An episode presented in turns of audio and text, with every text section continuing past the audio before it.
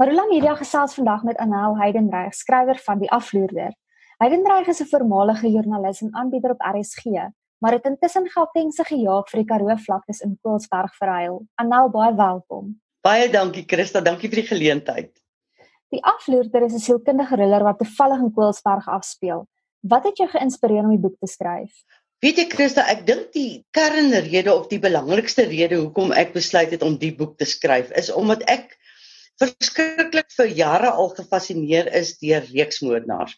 Maar nie net reeksmoordenaars nie, maar ook waar kom hulle vandaan? Wat is dit wat hulle uiteindelik maak om die soort van gewelddadigheid en geweldige dade te pleeg wat hierdie afloede inderdaad in die boek doen?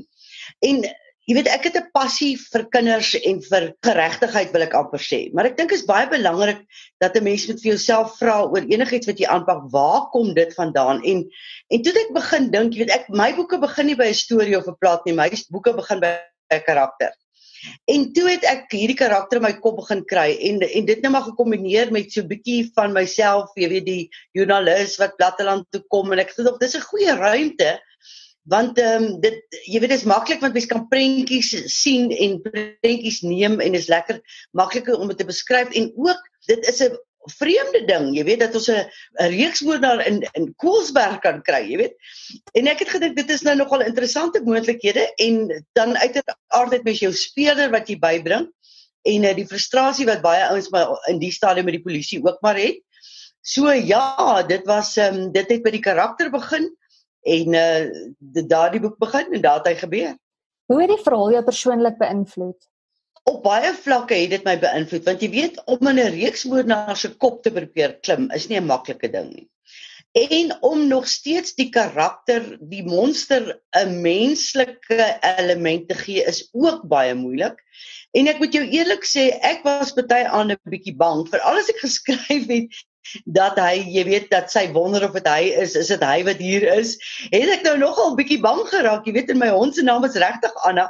So as Anna begin blaf, dan het ek nogal gedink vir alles ek nou toevallig skryf oor Anna wat blaf, dit raak 'n mens en die gewelddadigheid raak mens verskriklik. Dit is nie maklik om die soort van tonele te skryf nie. Maar ek het vir myself gesê dit gaan nie hier oor sensasie nie. Dit gaan oor ek dink dit is belangrik dat mense moet dit sien. Dit moet maar ongelukkig bietjie in ons gesigte gegooi word want dit is wat gebeur. En maar dit het my beïnvloed. Ek moet jou eerlik sê, daar was tye wat ek gesê het, ek wil nou net die boek so rukkie neersit. Jy weet net so 'n dag of 3, laat ek hom net eers weer bietjie uit my kop uit kan kry. Dit het my beïnvloed. Dit het my dieselfde as Malhuis my eerste boek het dit my geraak want dit is dinge en onderwerpe wat 'n mens maar baie diep raak. Anel en wanneer jy dan voel die boek raak vir jou te veel en jy moet gaan asem skep, wat het jy dan gedoen om dan weer rustigheid te kry en moed te kan kry om aan te gaan om te skryf? Ek dink altyd my hond keer my om totaal waansinnig te raak in hierdie waansinnige tye waar ons nou leef. Kyk, ek gaan stap gereeld met haar. Ek hou verskriklik baie van tuinwerk en ek is 'n totale leesverslaafde. So wat ek sal doen as ek regtig voel maar hierdie hierdie boek begin nou 'n bietjie aan my vat of hierdie karakter is nou besig om my bietjie self bang te maak, dan sal ek baie keer sommer in die son gaan sit en net 'n lekker boek lees wat 'n bietjie anders is, wat nie in hierdie selfde lyn is met anderwoorde nie 'n misdaadroman nie, maar een of ander boek wat my gewoonlik dan nie fiksie ook. Jy weet waar ek iets kan leer in plaas van om die hele tyd net in hierdie misdaad genre te probeer bly want ja, mens moet jy te reg, jy's heeltemal reg, 'n mens moet baie keer veral 'n reeks woordenaar uit jou kop uitkry want hy hy hy kan nogal met jou kop mors. Sou jy sê dat dit die tipe boek is wat jy optel op 'n Sondagmiddag en rustig agteroor sit of hoe sou jy dit beskryf vir lesers vir hul belangstel om die boek te lees?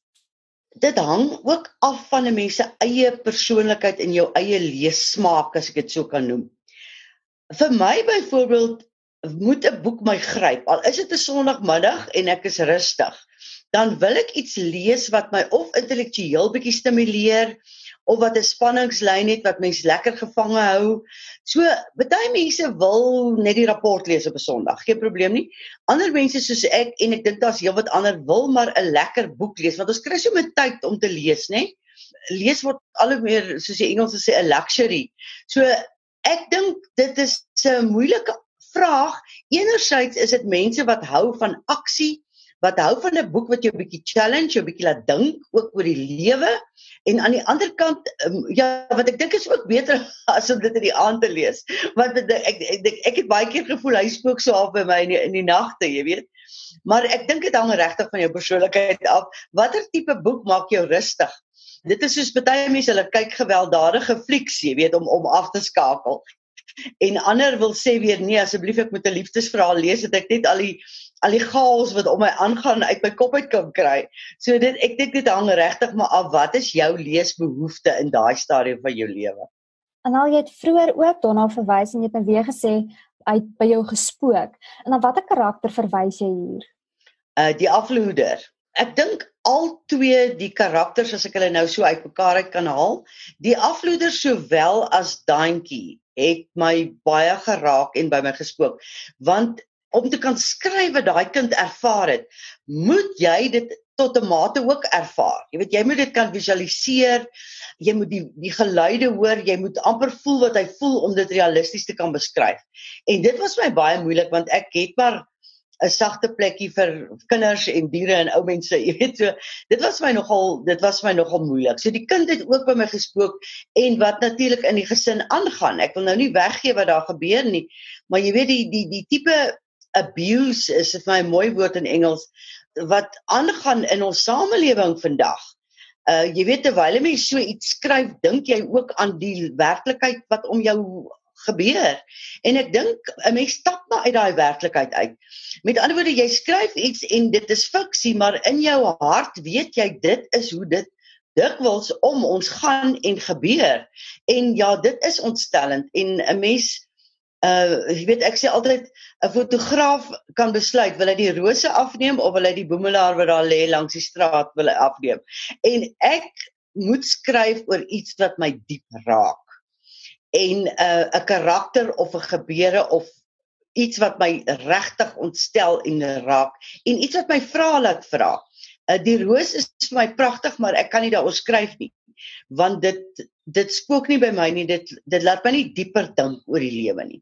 Maar ja die karakters in die boek het my geraak en ek het Siegfried ook baie jammer gekry want hy die ou dan baie probleme.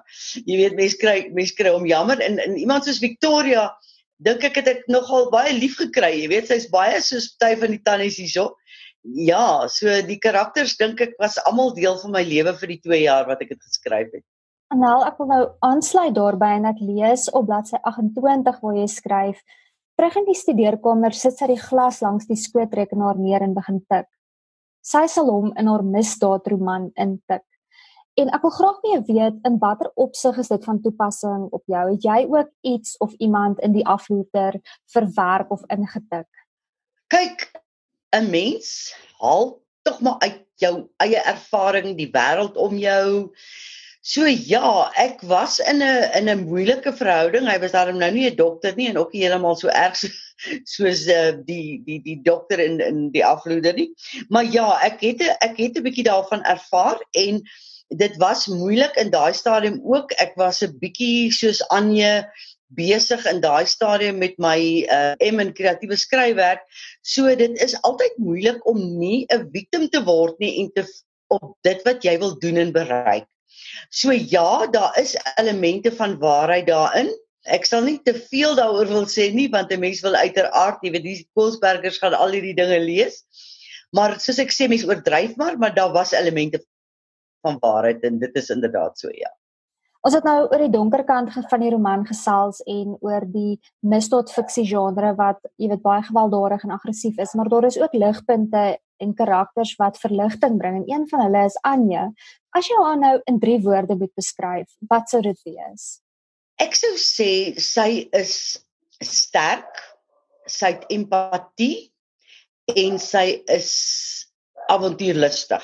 Ek dink daai drie goed sou ek sê is is is in haar verweef want jy weet sy sy waag 'n vreeslike ding om van die uh, loopbaan as misdaad joernalis prys te gee en platteland toe te trek Um, en dis natuurlik deel van haar probleem, nê, is dat sy miskien nie haar huiswerk goed genoeg gedoen het voordat sy Karoo toe gekom het nie. Ek dink tog ook sy is 'n sy het empatie. uh, sy gee om, maar ook dan dink ek sy sy's 'n sterk vrou. Sy's 'n dinamiese vrou wat mos in 'n stadium ook dan vir Maviek sê. Kyk Maviek, waartoe gaan jy alles? En jy is nie 'n victim nie en jy kry jouself jammer nie. So dan het ek ook nie rede nie en dit motiveer haar dan ook om te sê maar ten spyte van wat vandag gebeur by die huis en natuurlik nou die die afloeder met sy met sy afloedery. Ek dink daai drie woorde, sy's my sterk, sy's dinamies, maar dan het sy ook natuurlik daai avontuurlustige kant van haar as 'n mens dan nou in ag neem wat sy ook dan die aand daar in die in die township gaan doen, jy weet. So ja, ek het maar probeer om 'n interessante karakter daar te skep, jy weet wat 'n mens dat mens daar ook van kan hou want jong as 'n mens so boek skryf moet jy weet dan met dan die ou mense nou nou kan lag ook anders anders is net bloed en derms en dis te erg. Ek het ook geweldig baie van Siegfried gehou en om eintlik om te sê het van hom gehou is dalk nie die regte beskrywing want 'n mens voel op 'n manier jammer vir hom. Kan ons dalk 'n oomblik stil staan en gesels oor die verhouding tussen Anja en Siegfried? Siegfried is nogal een van die karakter wat ek dit klink te baie arrogant maar ek hou ook baie van Siegfried want weet jy Siegfried soos wat hy gegroei het in my kop het ek hom al hoe meer weerloos begin ervaar. Jy weet Siegfried is 'n ou met baie probleme maar nogtans 'n sterk ou wat gedryf is, jy weet. En ek dink dis wat Anje in daai stadium van haar lewe eintlik nodig het. Die verhouding tussen hulle twee sou 'n mens graag miskien verder wou uitbou. Maar nou moet 'n mens ook pas op, jy weet, want dis nie 'n liefdesverhaal nie. So wille mens nou dit is baie dit was my baie moeilik om 'n balans te handhaaf daar. Uh hoe naby aan mekaar moet hulle kom? Hoe lief vir mekaar moet hulle raak? Want Siegfried het haar nodig en sy het hom nodig. Maar uiteraard is hulle beide getroud. So dis 'n baie moeilike, baie komplekse verhouding. Maar ek dink uh, soos ek sê, hulle het mekaar nodig en Siegfried is 'n baie sterk ou ten spyte van dit wat met hom gebeur het en die traumas wat deur hy self is. So ek dink is vir mekaar ankers, nê, na beide kante toe. Absoluut. En dit is amper asof mense die hele tyd hoop daar gebeur iets tussen hulle op 'n liefdesvlak. Hulle ondersteun mekaar ook op soveel maniere en help mekaar ook deur hierdie saak. Ja, ehm um, daai een toneel ek ek ek dink ek het nog een of twee ingebou wat die redakteur toe besluit het nee haal uit waar hulle buitekant sy kantoor staan nê wat hy wat hy al vashou. Ehm um, ek sou 'n bietjie meer van daai soort van goed wou inbou. Maar jy weet uiteindelik as jy nie die een die enigste een wat besluit oor wat is in en wat is uit uiteindelik nie. En ja, 'n mens kan dit te ver voer. Mense wil miskien wat ek probeer doen dit is om eerder die spanning te behou. Wat kon gebeur het. Jy weet wat waarheen kan hulle verhouding lei in plaas van om dit 'n verskriklike belangrike deel van die storie te maak. Want dit is mos maar 'n subtema, nê? Nee. Anel, ek wil ook by jou hoor, waarmee is jy op die oomblik besig? Vat jy nou eers 'n blaaskons, neem jy 'n blaaskons na die afloerder of is jy reeds besig met 'n volgende boek? Christa, ek is reeds besig met 'n volgende boek. Die titel is in die stadium omgeslaan. Nou dit speel af ook in die Noord-Kaap, nie in Koelsberg nie, maar ook in die Noord-Kaap en in die tronk. Die dilemma natuurlik op die oomblik is dat ons nie tronk toe kan gaan nie want die virus is nou besig om ons lewens te beheer, né? Maar ek die boek is word op twee vlakke afgespeel, soos amper twee stories. So ek ek is besig om te kyk of ek die een storie kan klaar kry voor ons uiteindelik by vlak 1 uitkom sodat ons tronk toe kan gaan. Want ek doen baie navorsing, maar weet jy, ek glo mens moet daar wees. Jy moet ruik hoe dit ruik. Jy moet die geluide hoor wat daai mense, jy weet so in die atmosfeer moet jy voel. Jy kan oor iets skryf wat jy glad nie ervaar nie. Ek glo mens moet iets veral in so 'n tipe boek, jy weet. En dis ook 'n vrou wat wat moeilike 'n baie moeilike lewe het en wat baie dinge mee gebeur en wat dan uiteindelik in die in die, in die tronk beland. Maar ehm um, dis miskien al wat ek in die stadium kan weggee ek het besluit, weet jy, 'n mens moenie 'n breek vat nie. En dit moet ook nie as jy dit doen, moet dit nie te lank wees nie. Jy moet so half in oefening bly want dit is amper maar soos wat jy perd gery. Jy val af van die perd af en as jy nie mag gou weer opklim nie, dan gaan jy nie weer ry nie. Dis daai soort van ding, jy weet. Nee, dit is maar dit klink baie interessant. Ek sien uit om dit te lees en ek hoop die lesers wat die afloper geniet het, is ook opgewonde oor jou nuwe boek.